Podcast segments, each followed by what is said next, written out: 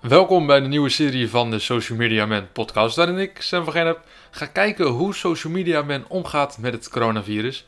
Hoe doen collega's nu hun werk en wat voor werk doen ze eigenlijk? En deze aflevering doe ik samen met Jordi, de Google-expert van Social Media Man. Met Jordi.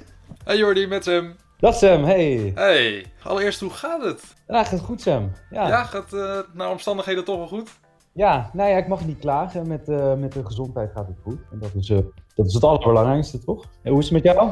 Ja, met mij gaat het op zich ook wel prima. Ja, de vorige keer dat we elkaar ehm, ja, zo spraken in de podcast was natuurlijk eh, in de studio. Ja, Zeg eens in januari was dat. ja. En toen hadden we mooie plannen gemaakt voor 2020. Dat was het, de vooruitblik op 2020 was de laatste. En toen zeiden we hartstikke leuk van, nou, dit en dit komt er allemaal aan en dit en dit kunnen we doen. Maar ehm, dat liep even wat anders. Ja zeker. Ja, het voelt echt uh, mijlenver terug.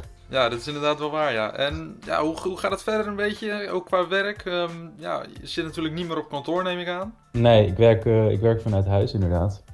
En eh, ja, dat bevalt eh, op zich wel goed hoor. Het voelt wel een beetje alsof je werkt in een, in een gouden kooi. Ja, dat komt omdat je aan de ene kant thuis natuurlijk wel gewoon alle van, van alle gemakken voorzien bent. Betere faciliteiten nog op kantoor. Althans, dat is bij mij zo. Eh, dus lekker je eigen spulletjes. eh, zelf ja, controle over welke radiozender je opzet. Dat is ja, zich precies. ook wel, Ja, eh, ja, dat was inderdaad bij ons op kantoor was dat af en toe nog wel een, Ja. een dingetje, ja. ja. Ja, dat levert wel eens discussie op. Ehm, maar aan de andere kant, en dat is toch wel het grootste nadeel, je hebt toch wel de hele dag een camera op je snuffert. dus vandaar met, ook de referentie naar de Gouden Kooi. Ja, precies. Want, want welke middelen gebruik jij om bijvoorbeeld presentaties of vergaderingen te doen? Nou ja, verschillende. Ehm, ik gebruik eh, veel Slack. Ehm, ja, dat is meer zeg maar om eh, in contact te blijven met mijn collega's, gewoon via de chat. Ehm, verder gebruik ik Google Hangouts voor mijn presentaties. Dus naar eh, klanten of eh, potentiële klanten. Mhm. En is, is dat Google Hangouts, is dat ideaal voor presentaties? Of denk je toch bij sommige dingen van, nou, dat kan nog wel even wat beter? Ehm, nou, ik vind het op zich zelf wel prettig werken. Ik merk wel dat, ehm, ja, dat soms de verbinding wat minder is.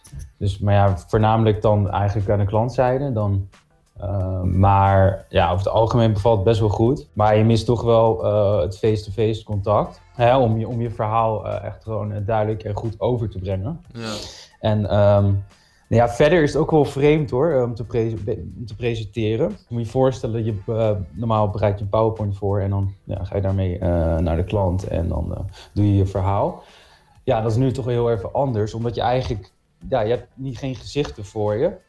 Dus je, ja, je presenteert eigenlijk gewoon Ja. voor je scherm. En dat, dat voelt wel eens vreemd aan. ja, dat is inderdaad wel vreemd, ja. Ja, dus dat, het veran- ja, dat verandert de presentatie enigszins wel, omdat je toch wel af en toe ook controlevragen dan moet stellen.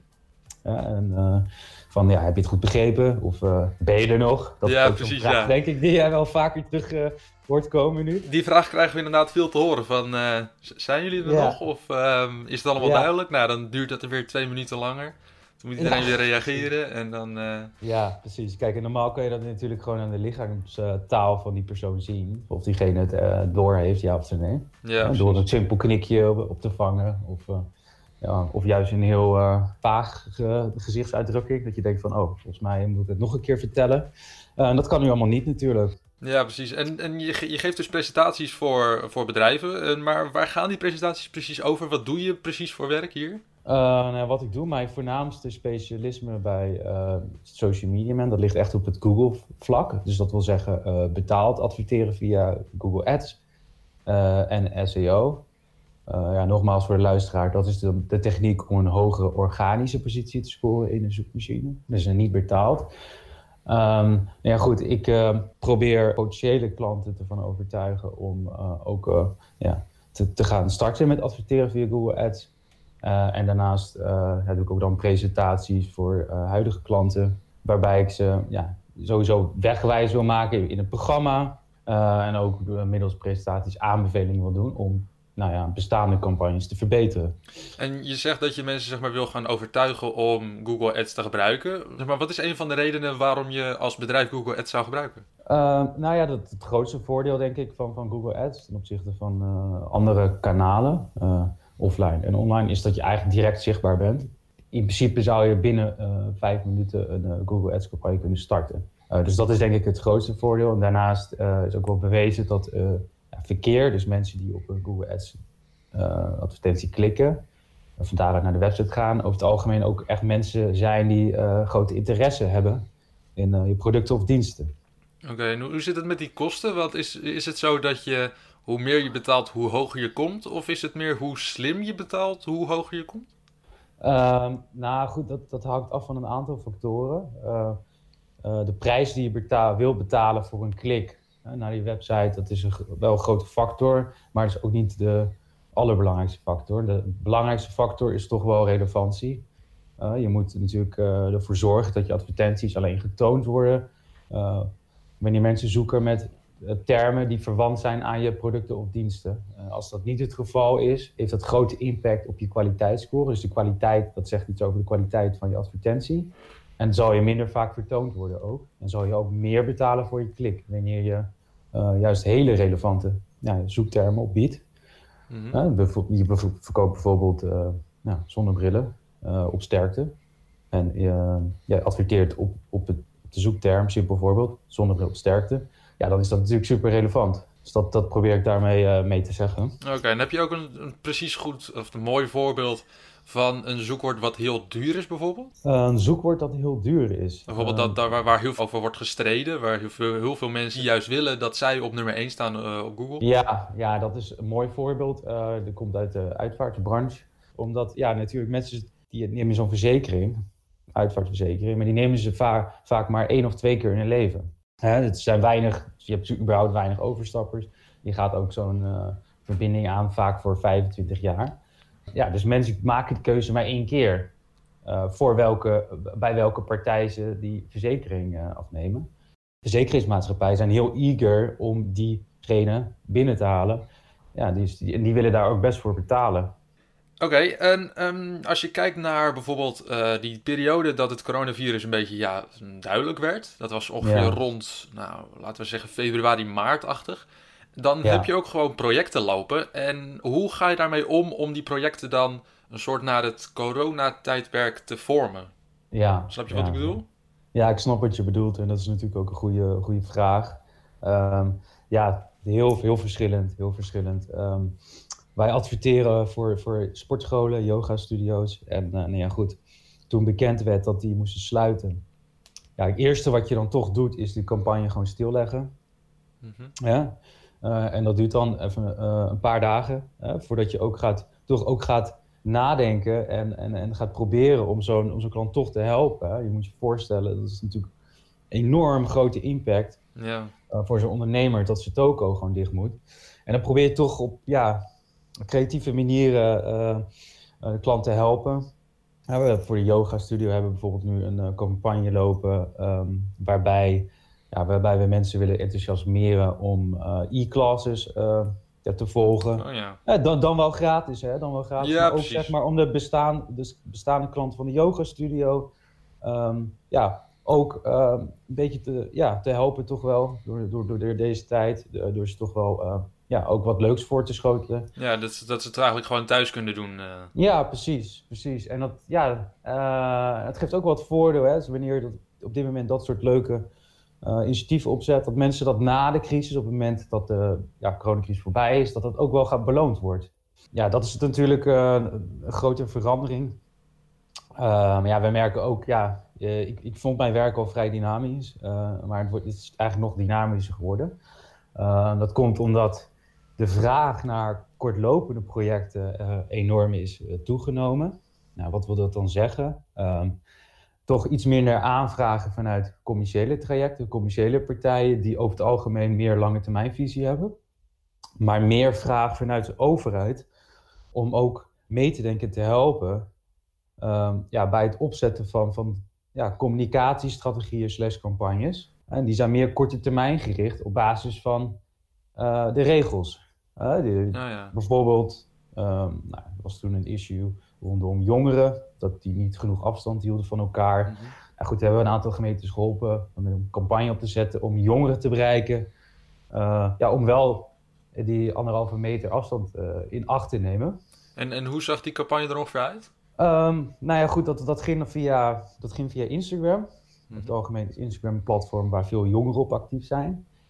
En uh, nou ja, goed, daar, die proberen we toch wel op een ja, toch wel leuke, interactieve manier uh, ja, bij dit onderwerp te betrekken. Um, en op die manier ja, toch ook wel uh, proberen dus meer om die afstand in acht te houden. Dat ging via Instagram Stories bijvoorbeeld, uh, spelletjes die jongeren konden doen.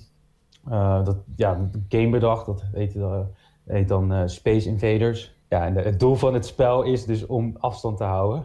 Oh ja. Uh, ja, dus op die manier probeer je ja, jongeren daarbij te betrekken bij het onderwerp. Oh ja, en kan je als overheid testen of dat lukt? Of, of krijg je daar nog wat van mee? Van oké, deze campagne is geslaagd? Of... Nou, dat is dus wel heel lastig. Ik denk wel dat het goed is om uh, ja, dit soort boodschappen te blijven communiceren als overheid. Maar het is inderdaad wel lastig te peilen of het uh, effect heeft. Dat, dat merk je ook aan, uh, aan uh, gewoon online marketing. Bijvoorbeeld, ook bij, bijvoorbeeld bij Google. Dan zie je gewoon heel duidelijk van oké, dit zijn de resultaten, dit gebeurt er als ik dit doe en dit doe. Maar bijvoorbeeld bij zo'n zo'n casus zoals je net al zei, is het best wel lastig.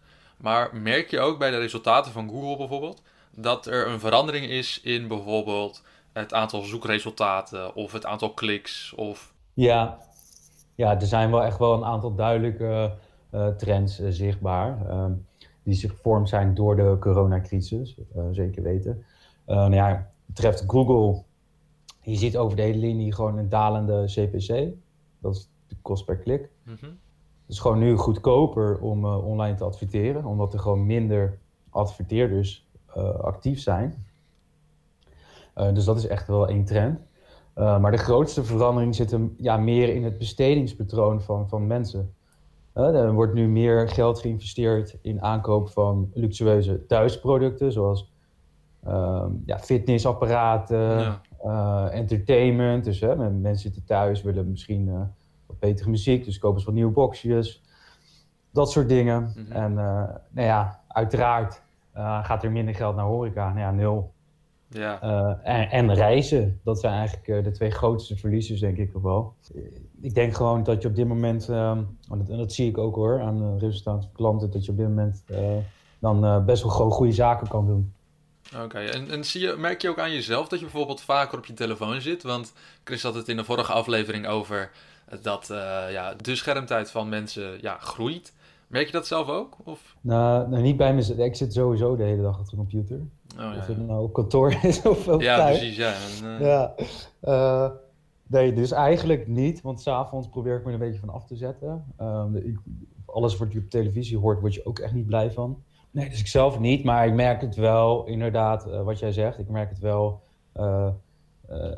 überhaupt, zeg maar, aan de, aan de data die ik dan zie. Mm -hmm. dus dat er meer mensen inderdaad op dit moment social media gebruiken. Ah, oké. Ja, en heb je nog iets van een laatste boodschap voor ondernemers of mensen die nu thuis zitten? Uh, hou vol. Ja, de laatste tijd hoor je heel veel van dit soort uh, ja, standaard motivatiespeeches, denk ik toch wel. Mm -hmm. um, ik denk ook dat het effect daarvan wel een beetje ja, weg is. Uiteindelijk moet iedereen zich een beetje zijn eigen weg invinden.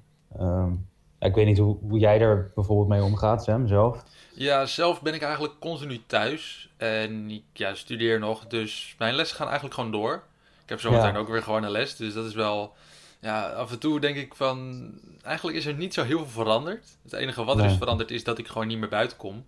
Maar ja. dat is het mooie aan social media en de technologie van tegenwoordig. Je kan familie en vrienden gewoon blijven zien. Ja. Dus dat is... Dat, dat, het, het verandert niet.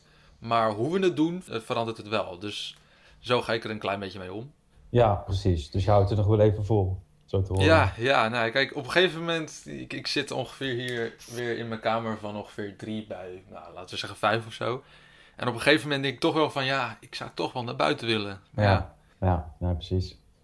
Nee, ja, andersom ook hoor probeer, ook, probeer een nieuwe hobby te zoeken ook. Want ja, goed, ik ben er toch achter gekomen. Het is ook wel een soort reality check, hè, deze hele periode. Ja, ja.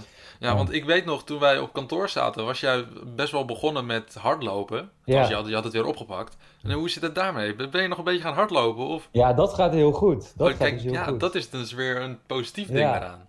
Echt uh, vier keer in de week, ja. Zo. Nou, dat is dan ook het ene moment dat ik, bijna het enige moment buiten boodschappen doe, dat ik naar buiten ga. Is, is uh, ja, is om te hardlopen en dat, uh, ja, super fit joh. Ja, kijk, nou, dat is wel lekker in ieder geval. Ja, nou, Jordi, ik bedank jou voor deze, voor deze podcastaflevering weer. Ja, nee, graag gedaan. En dan uh, spreken we elkaar snel weer. Ja, nou ja, hopelijk in betere tijden. Ja, dat hoop ik ook. Ja, ja. Nou ja, dankjewel. Yo.